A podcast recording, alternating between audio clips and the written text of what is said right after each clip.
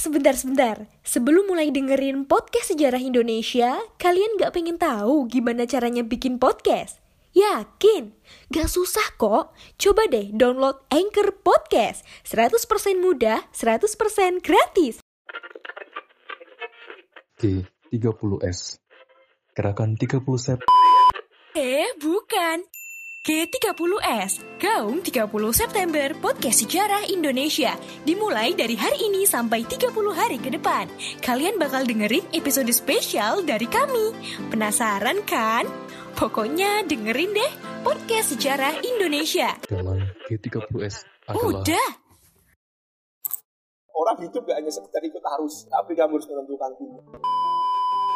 Kalau sejarah sosial, pertama saya tertarik awalnya kan Pak Danang ya, Danang Sepati Kumpul itu kan senang membaca koran. begitu. Awal ketertarikan saya karena memang kajian ini jarang diungkap ya, dan peluang saya bahwa saya punya spesialisasi mungkin di situ itu lebih besar kemungkinannya daripada saya nyoba yang yang lain yang saya Iya. sukai, ya, misalnya politik atau militer. Ketika tawaran nulis Kampung Baru Tikung skripsi saya itu, Iya. ya saya ambil dan Pak Danang bilang kalau kamu bisa menceritakan ini ya ini secara sosial banget. Jarang ada yang punya kedalaman terkait dengan sejarah sosial. Oke, Mas mau tahu dulu, nanti kalau misalnya kita ngebahas tentang sejarah sosial, apa sih sebenarnya sejarah sosial sendiri kalau menurut kacamata Mas Alwi? Ya, yang paling mudah adalah bicara tentang masyarakat. Tapi masyarakat yang gimana? Ah. Yang dia berangkat. Kalau saya kan jelas sejarah sosial itu banyak terkait dengan hal-hal yang gak umum dalam penulisan sejarah. Iya. Artinya kalau bicara masyarakat, kebanyakan adalah masyarakat yang tidak sadar akan sejarah itu sendiri. Jadi menuliskan sesuatu atau mencatat sesuatu, menyimpan sesuatu itu jadi sesuatu yang langka. Nah itu tantangan untuk sejarawan di bidang sosial. Itu yang jadi tantangan saya juga. Dan kebanyakan kalau bicara sejarah sosial, sejarah kaum marginal. Walaupun semuanya Hmm. tidak tidak semua marginal saya percaya, tidak semua semua dikategorikan marginal. Tapi kalau bicara masyarakat, dominan mereka yang tidak pernah dituliskan dalam sejarah. Ya, itu juga maksudnya kayak kebanyakan kita yang kenal, ya Mas Alwi kan juga guru ya, yang kita kenal di buku-buku paket dan yang lainnya itu kan kalau kata dosen saya itu kan government history, sejarah yang diciptakan oleh pemerintah gitu ya. Dan sekarang ada sejarah sosial dan kenapa kok sejarah sosial posisinya di bawah? Sedangkan kalau misalkan kita bicara tentang siswa-siswa kan harusnya dia didekatkan dengan apa yang di sekitarnya, tau nggak? Sejarah sosial bisa menjadi salah satu jembatan untuk Iya. belajar itu. Tapi saya juga secara kritis, misalnya kalau kemudian memberikan pada sejarah sosial untuk diajarkan oleh siswa SMA, jelas eh, interpretasinya juga akan banyak. Kemudian jelas itu kalau dalam konteks sejarah dengan kurikulum yang sudah dipatok oleh pemerintah itu jelas keluar dari out of konteks kurikulum itu dan jelas itu mungkin ya untuk penilaian kompetensi dan sebagainya jelas di luar itu masalah teknis. Iya. Tapi lebih dari itu memang siswa saya pikir benar Mas Taufik dia harus dekatkan dengan itu karena sejarah yang mereka peluk yang dekat dengan mereka inilah yang harusnya mereka ketahui karena Iya. mereka akan hidupi. Kalau politik mungkin akan berubah dan kenangannya mungkin juga hitam putih ya, hitam Ah. putih versinya pemerintah. Nah itu juga satu sisi baik untuk melatih kekritisan. Tapi sisi yang lain kemudian kesannya seragam atau terkotak. Itu yang menurut saya harus perlu dikritisi. Tapi mungkin belum ketemu formulanya ya. Formulanya kemudian menempatkan bahwa ya sejarah yang dekat itu juga menjadi bagian penting. Iya. Saya mencoba proyek-proyek terkait dengan dengan hal-hal seperti itu. Misalnya tahun pertama saya di SMA Loyola itu saya ngajak mereka anak-anak kelas 12 tempat saya mengajar itu untuk bercerita tentang sejarah mereka keseharian terkait dengan situasi pandemi. Karena mereka angkatan Oh. pertama yang mengalami belajar online. Oke oke. Tapi pas pandemi kemarin itu Ya, mulai, saya pengen mereka cerita pengalamanmu sebagai siswa pertama kali merasakan sekolah online bagaimana. Dan ceritanya sangat beragam. Dan itu saya bilang itu sejarah. Suatu ketika sekolah akan membuka arsip lagi, melihat situasinya pada masa itu. Kamu adalah tokoh-tokoh. Dan saya membukukan itu jadi tiga buku, karena tiga kelas dari PSK, kelas 12. jadi buku gitu. Jadi buku. Ya. Oke, Di bisa nih ya buat teman-teman. Ini pendengar Mas Aiden juga guru-guru juga. Kalau guru sejarah, ini ada tips dari Mas Armi juga. Barangkali nanti ya anak didiknya kepengen jadi penulis. Ya tulis aja ceritanya tentang pandemi. Karena sejarah sosial itu kalau menurut saya tadi kan Mas Armi bilang marginal gitu ya Mas ya. Tapi sekali lagi, ya menurut saya seharusnya posisinya itu ya mungkin bisa diberikan porsi yang cukup lah ya. Bukan disejajarkan mungkin diberikan porsi yang cukup. Kalau Mas Armi lihat sendiri posisi sejarah sosial ini di sejarah nasional Indonesia yang sudah terset tadi kata Mas Armi itu gimana? ya belum dapat porsi yang tepat ya tetapi saya pikir kalau dikontekskan dengan semangat merdeka belajar katakan begitu Iya. Berarti guru tidak keluar langsung dari pakemnya kurikulum, tetapi kemudian mengembangkan dengan ide dan keliarannya begitu. Dan saya mencoba. Kemudian uh, kalau yang baru kemarin dan saya tuliskan sebagai kompetisi untuk Kemendikbud ya terkait Hmm. dengan Merdeka Belajar, saya ngajak juga. Kemudian kalau cara yang mainstream kurikulum banget, tak dekatkan dengan Ismail Marzuki, Ya. seorang komponis yang sangat nasionalis banget dan itu kontekstual dengan kelas 12 secara wajib ya Ah, cerita tentang perjuangan ancaman disintegrasi dan kemudian era orde lama, orde baru gitu. Awal orde baru khususnya ya. Itu karya-karya yang Ismail Marzuki kan baik gitu ya. Iya. Nah itu tak juga ajak mereka menyanyikan lagu itu dan ternyata mereka tidak banyak yang tahu lagu Ismail Marzuki. Padahal kelasnya Ardito, Nonaria, Ah. bahkan Endang Sukamti pun menyanyikan itu. Mereka baru tahu, oh ternyata ini ya lagunya Ismail Marzuki. Terus ada film juga Tiga Darah tentang Payung Ya, Fantasi itu. ah. Ternyata mereka baru tahu sejauh itu kah? Oke ngomong kurikulum oke, Ah. tapi ini kritik saya juga untuk kurikulum yang kaku itu. Yap, yap, yap. Berarti tidak ada terobosan ya di balik itu untuk mengenalkan anak yang betul-betul ya ini ngomong seni ya, ngomong sejarah seni, ngomong juga bagian dari bagian kecil dari sejarah sosial. Kita Iya. bicara seni, bicara karyanya Ismail Marzuki, Iya. komponis besar dengan buku terakhir yang saya baca tentang Ismail itu sampai 52 judul buku, eh judul, judul lagu ya Ismail. Tapi saya hanya memberikan 32. Itu pun ternyata yang dibeli anak karena kebaikan hati saya kemudian satu anak boleh mengambil satu lagu untuk dua anak walaupun dia harus Hmm. menyanyikan pribadi tapi satu lagu bisa digunakan oleh dua anak di tiap kelas. Itu yang menurut saya oh yang populer ternyata menurut mereka yang ini dan saya baru tahu dan mereka sangat takut ternyata oh baru sadar bahwa oh ini ternyata lagunya Ismail Marzuki. Wah, wow, berarti kamu memang anu memang ya oke ngomong kurikulum yang kaku tapi Ya. ternyata juga kaku itu juga tidak bisa diterjemahkan dengan luas ya Ah, dari benar, kekakuan itu perlu imajinasi untuk kemudian nyambung yang kontekstual. Dan Karena mungkin ya berkarya di bidang seni kan. Kalau seni kan memang beberapa tahun lagi ataupun mungkin sejaman kalau misalkan dia seninya bisa dikenang selama dia bisa di apa lagu ataupun apa ya mungkin relate kali ya. Iya mas saya kira ya ini saya bilang kalau ngomong kurikulum kemudian merdeka belajar gini aja kemudian siswa baru paham. Karena lagu ini ya terkenal ya. Dan kemudian ketika saya ikutkan lomba itu mereka juga baru sadar ternyata ya pak tidak banyak siswa SMA yang kemudian kenal lagu ini. Nah iya iya Iya ternyata mereka berusaha saatnya Pak ada apa namanya lagunya juga kayak bukan ya Pak yang nyanyi hebat-hebat Iya. ya. Ya saya ngomong ini bukan soal siapa penyanyi yang terbaru atau yang mendaur ulang lagu itu. Iya. Tapi bagaimana jiwanya Ismail Marzuki itu juga bisa kamu terjemahkan Iya, karena kebanyakan sekarang kan orang tahu penyanyinya tapi nggak tahu siapa. tepat sekali dan itu bagian dari apresiasi juga Nah, buat uh, komponis bahkan dunia Ismail Marzuki diperdebatkan oleh beberapa komponis Belanda juga ya Aha. dia kan hidup di masa transisi antara Betul. kolonial dan. Jepang kemudian masuk ke Hmm. masa revolusi Iya. transisi masa ini kan banyak komponis-komponis yang Indo dan sebagainya yang kemudian mempertanyakan bahkan Eropa asli ya Totok gitu Eropa Totok itu kulit putih tanyakan Ismail Sia- dia siapa lulusan konservatori mana sekolah Nah, sangat kaku dan sangat standar pendidikan yang berijazah itu yang di- Nah. yang diakui ya ternyata tidak menurut saya Enggak, Ismail Marzuki itu indie berarti. semi indie tapi Semi indie. kemudian dia dengan kecerdasan intelektualnya dengan kecerdasan seninya kemudian mencoba membuat lagu yang benar-benar sejaman dengan itu Bahkan melampaui zaman. melampaui zaman ternyata diulangi lagi diceritakan lagi sesuai dengan zaman sekarang jadi komponis cerdas ini tapi kenapa kemudian anak-anak muda zaman sekarang tidak mengapresiasi Itu tugas kita. itu tugas kita dan, dan sekarang mereka baru tahu dan ya banyak ide-ide gila yang mungkin juga akan saya coba. Misalnya orde baru orde baru orang tua mereka melintasi orde baru. Ya. kenapa kamu tidak bercerita orang tuamu yang melintasi orde baru dan bandingkan dengan masa sekarang saya buat mereka di matanya mamamu papamu emakmu kongmu dan sebagainya mana melihat orde baru di zaman sekarang kalau kemudian ada jargon iya enak zamanku tau Nah, itu dia. Bagaimana dengan era sekarang? Benar lebih enak di versi orang tua saya ya enak. Sekolah, pekerjaan mudah. Berarti menjadi pegawai negeri sipil itu hitungannya tinggal butuh instansinya pengadaan langsung selesai. Nggak perlu kemudian harus ke BKN. Tes Maaf, lah, inilah tes ini itu. dan itu. Bapak saya itu memang butuh lulusan D3 waktu itu. Jadi PNS gara-gara itu. Dan tidak lama untuk masa CPNS-nya karena kemudian nicknya keluar dengan cepat. Karena memang butuh banget apa. Karena memang butuh banget. Saya pikir kok apa di masa itu mungkin ya. Iya. Tapi Bapak dan Ibu saya bilang jam gampang harga beras murah, kebutuhan pokok sembako juga, susu juga murah ya. Zaman saya masih masa orde baru saya lahir tahun 1992 ya.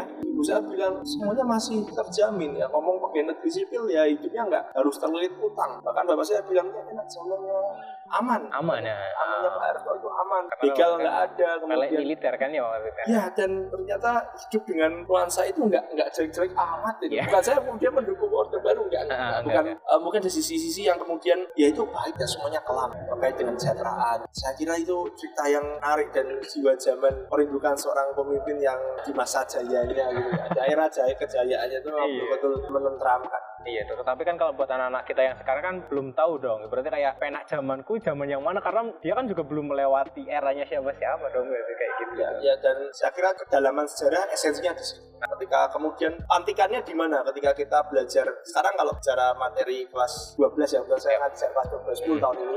Sama berarti kelas dulu saya. Tos dulu. Nah, Mas Taufik sama berarti nyambung ini. Bicara kelas 12 berarti bicara bahwa materinya itu sangat kalau yang secara wajib ya. Nah, wajib. Itu kan sangat Indonesia banget. Minat apalagi sangat kait dengan Indonesia dalam melihat dunia internasional ya. Kelas 12 dimulai dari disintegrasi dong. integrasi kemudian bicara orde lama Yap. orde baru ramai dengan reformasi, Reformasi. dan kerjasama kita dengan dunia internasional anak-anak zaman sekarang yang kelas 12 saya kira belajarnya adalah belajar bagaimana kemudian menemukan nasionalisme itu standarnya seperti Ya. apa tapi lebih dari itu kalau bicara penunggalan seorang presiden di masa itu kita bisa belajar dari nilai-nilai kepemimpinan seorang Soekarno seorang Soeharto Soeharto bagaimana kemudian B.J. Habibie, Abdurrahman Wahid sampai ke SBY dan menyentuh Jokowi sedikit ya Iya. mungkin akan dibahas sana bagaimana pergolakan seorang pemimpin negara kita, presiden kita dalam mengelola negara. Belajar sisi leadershipnya ini. Ah, bagaimana iya, iya, kemudian kalau pantikannya di era Orde Lama dan di bab satu integrasi itu kan kita bisa lihat bagaimana menangani sebuah perpecahan di dalam tubuh Iya. negara. Baru merdeka banyak banget. Nah itu juga bagaimana kemampuan berpikir historis dan leadershipnya seorang pemimpin itu diuji di sini. Kemudian yang lebih menggairahkan lagi menurut saya adalah bicara terkait dengan harga diri dan martabat kita sebagai bangsa. Yang satunya diberikan oleh Soekarno, Soekarno. dengan contoh-contoh bagaimana dia merebut Irian Barat di antara situasi perang dingin ya. Kaitannya juga dengan sejarah dunia kan di antara pimpinan. Uni Soviet dan Amerika Dan Serikat. berani Indonesia waktu itu tuh. Ya, nyali ya Nyalinya. nyali dong. yang saya aku Iya. untuk siswa SMA kelas 12 karena kenapa kamu butuh nyali karena setelah lagi kamu akan masuk ke jenjang perguruan tinggi Iya. kamu harus memilih nah siapa yang kemudian bernyali untuk memilih jalan yang mungkin orang tuamu tidak menyukai jurusan itu seperti saya pun juga orang nggak akan pernah mau melihat katakanlah Mas Taufik dan sejarah itu menjadi apa Ah. sejarah menjadi apa? Kaitannya dengan itu. Nah tinggal kamu punya nyali ya Pak Bida Nah, ya kan? Perkara nyali kan ini. Dan mungkin kalau bicara nyali ini dari seorang Soekarno saya bilang nyalinya luar biasa saya bilang Ya. itu kamu itulah seorang Soekarno karena Soekarno presiden pertama kita itu wah yang punya nyali. Ya orang hidup gak hanya sekedar ikut arus tapi kamu harus menentukan pilihan dan pilihan itu pahit juga ya karena ada disintegrasi kemudian harus ditinggalkan oleh Hatta Ah, iya. 1996 kan mengundurkan diri dengan diri. jalan yang menurut saya emosionalnya Hatta tapi saya bukan bicara emosionalnya Hatta ya Iya. tapi memang menurut saya Hatta itu seorang pahlawan nasional yang tahu batas ketika sudah tidak sesuai dengan prinsip dan sebagainya mundur dengan gentle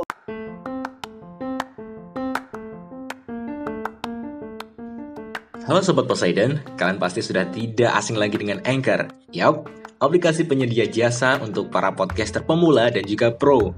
Buat kalian yang pengen mulai nge-podcast, langsung download aja Anchor di App Store ataupun di Play Store. Di sana, kalian bisa nge-podcast dengan banyak banget pilihan background musik. Setelah itu, kalian bisa mempromosikan podcast kalian ke mana pun. Secara otomatis, nanti akan di-sharekan oleh Anchor sendiri. So, tunggu apa lagi? Cus, nge-podcast bareng Anchor. Tapi dia mundur kan juga setelah dia mundur tapi dia tetap ngasih masukan banyak kan ke Pak Karno. dan cara memberi masukannya itu sangat Elegan. elegan menurut saya itu yang susah Ah, ah, ah. gimana hati itu nggak baper saya bawa perasaan ya Ya itu dia. Biasanya kan kalau sekarang udah nggak cocok, terus nggak jadi wakilnya, terus malah gontok-gontok anak jadi oposisi. ya iya dan ternyata tidak Ah. lepas ya lepas sudah selesai dan mencari penghidupan yang lain Hmm. nah, ini kan di luar nalar kita Ya. siapa yang nggak mau jadi wapres orang nomor dua bisa melakukan apa pun kan Iya. bahkan proklamator pendiri bangsa datang bicara nah itu belajar belajar seorang tokoh-tokoh pemimpin yang menurut saya juga out of the box Yes. di luar itu dan nyali kemudian dia nyali juga betul Mhm. Nyata juga bernyali dia punya keluarga mantan wapres hidupnya di tengah kota Jakarta Ah. harus meninggalkan segala kemewahan ya tanpa sesuatu yang kemudian melekat sebagai kekayaannya dia Bahkan kan Pak Karno kan juga karena nyalinya itu kan sempat beberapa kali mau dicoba untuk dibom. bom bunuh diri Ya. kemudian di- ditembak jarak dekat dan sebagainya nah, ini belum kita bicara aku saling juga Ya. Kalau kita bicara patikannya di sejarah minat kita Sejarah bicara seorang siapa yang mau sekarang seperti aku saling bisa menguasai sembilan bahasa Ya. polyglot tapi malah bela Indonesia negara kiri negara yang nggak tahu ini mau merdeka dan selamatnya gimana ini kalau kalau nggak seorang aku saling itu menurut saya diplomat yang idola banget. Ya. dia nggak nggak mikir perkara duit itu perkara duit itu atau uang. Ya ngapain kamu ikut Indonesia nggak akan bisa bayar? Kamu ikut Belanda siapa nggak nggak butuh? Iya, Belanda bodoh banget pasti dong. Ayo, kamu keluar dari konsulat Belanda dicegah kemudian jadi politisi jadi wartawan. Ya Belanda di Jogja di Batavia. Ayo loh. Dan apa untungnya? Kan kita kan selalu bertanya kan. Saya ini orang-orang yang menurut saya ya itu nyali itu ya. Kita harus memupuk seorang pe- pemuda yang kemudian kita sebagai guru yang mendidik pemuda itu ya ini satu jalan yang kemudian bisa diteladani tentang nyali. Karena sekarang saya kira nyali itu yang jadi anu Iya dong. matikan kita sebagai guru Karena emang sekarang kan anak-anak mungkin kebanyakan ataupun siapa pun ketika mau mengambil sebuah keputusan kan karena udah makin enak kayaknya zamannya ya mas ya. Bener udah makin enak semuanya tersedia dan apa pun mulai dari gadget teknologi dan yang lainnya ibaratnya kayak udah di depan mata gitu kan. Jadi ketika kita mau mengambil sebuah keputusan ya udah enak aja. Orang zaman dulu kan ketika sampai di mana misalnya Semarang pengen ke mana kan dia harus milih dulu nih nyali oh pakai ojek ini dan yang lainnya. Sekarang udah gampang dong. Sebelum nyampe mereka udah banyak referensi dan harusnya lebih mudah daripada Iya iya dan ini ya karena semuanya bisa diraih semua bisa Iya. didapatkan dengan mudah. Kemudian kehilangan sentuhan hatinya dan nyalinya itu kurang. Dan ya memang zamannya harus seperti ini. Tapi ya apa kamu mau ikut arus terus? Sementara ada pilihan-pilihan lain yang kemudian ya bisa menunjukkan potensi dan kompetensimu kemampuanmu di situ saya pikir ini yang menarik dan saya kira pesan penting tentang nyali itu. Sementara yang lainnya kalau bicara tentang sejarah materi kelas 12 itu ya kita akan bicara juga seorang pemimpin yang bisa memanage yang mengatur. Kita bicara Pak Harto saya the pikir only.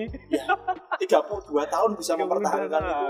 bisa ngatur bagaimana struktur militer itu bisa masuk ke pem- ke pemerintahan. Pemerintahan. saya pikir kalau orang nggak cerdas nggak mungkin Nggak bisa. mungkin, nggak mungkin bisa. 32 tahun dan enam kali eh enam eh, sorry enam kali pemilu ya berarti ya. Tujuh satu tujuh tujuh ya kemudian delapan dua 82. delapan tujuh sembilan dua. 95 terus kemudian kan di referendum di Eh, dikata gagal kan? ya ya enam enam kali pemilu itu menang dan menang telak ini kalau nggak pemimpin yang cerdas nggak bisa. Saya pikir mempertahankan konsisten mempertahankan sesuatu itu ya ini ini apa namanya konsistensi, Konsistensi. ya ya komitmen konsistensi ini yang nilai positif yang bisa kita lihat. Kalau ini ini ya ini prinsip itu dan ya ini nilai baik yang bisa saya petik ya. Saya menerjemahkan proses ini proses panjang di luar kemudian ada nilai-nilai menyimpang begitu.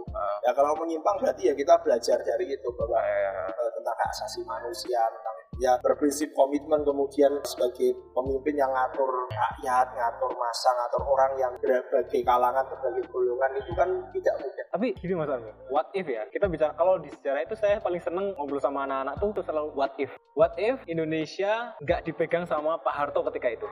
Atau Pak Harto cuma sebentar doang?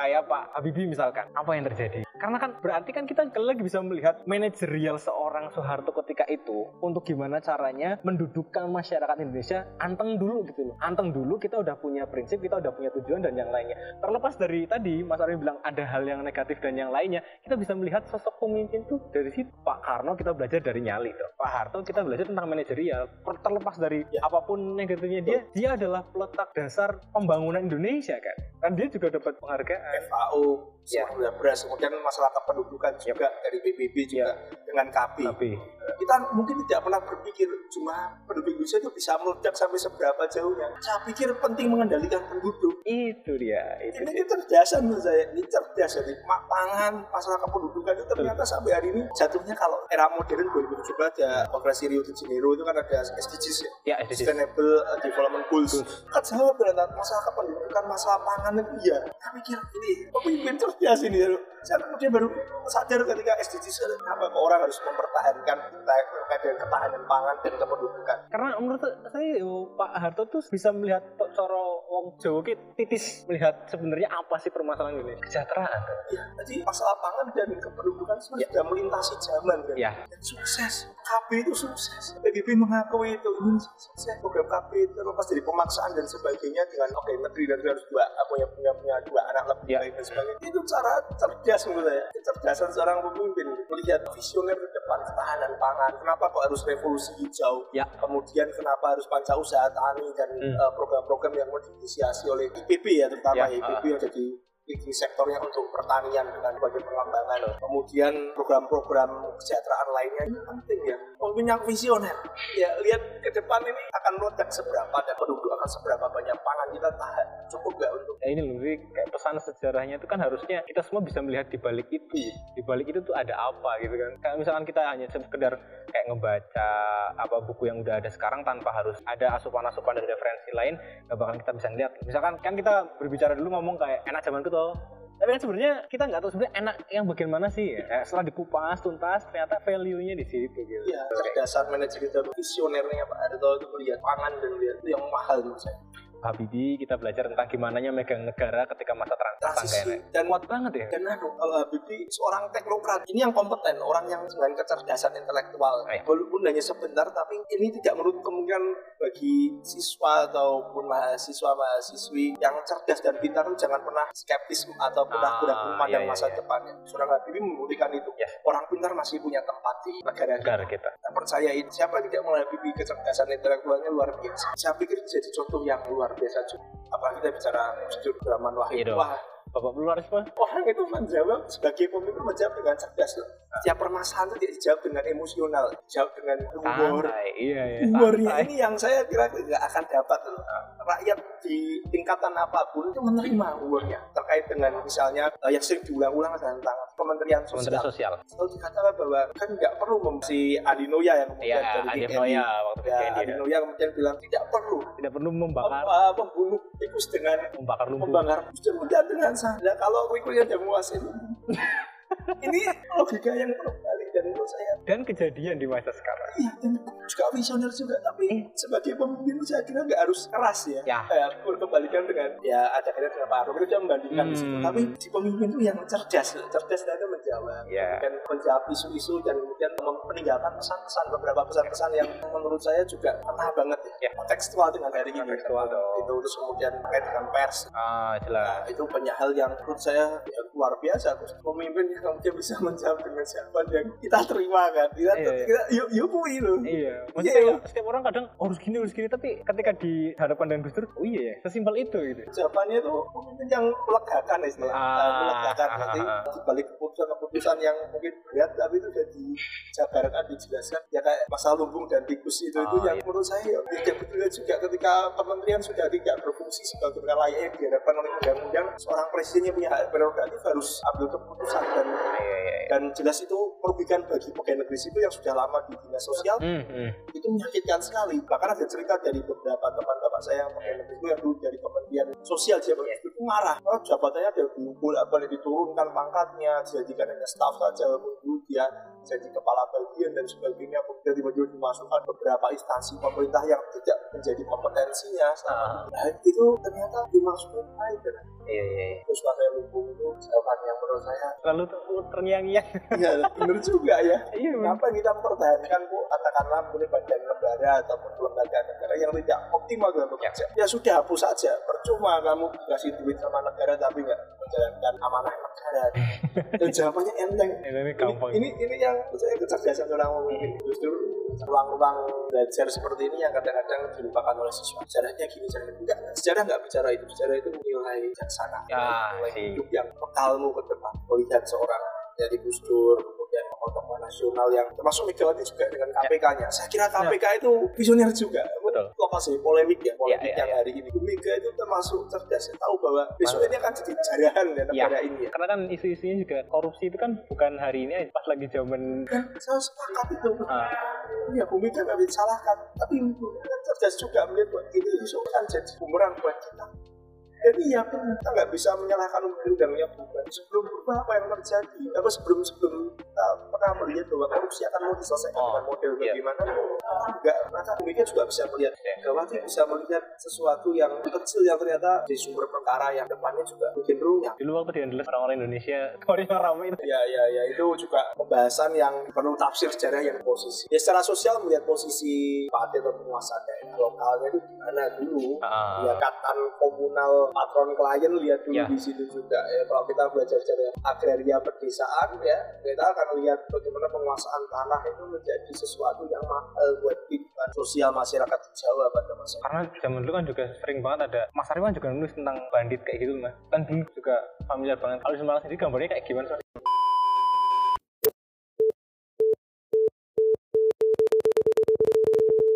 Terima kasih.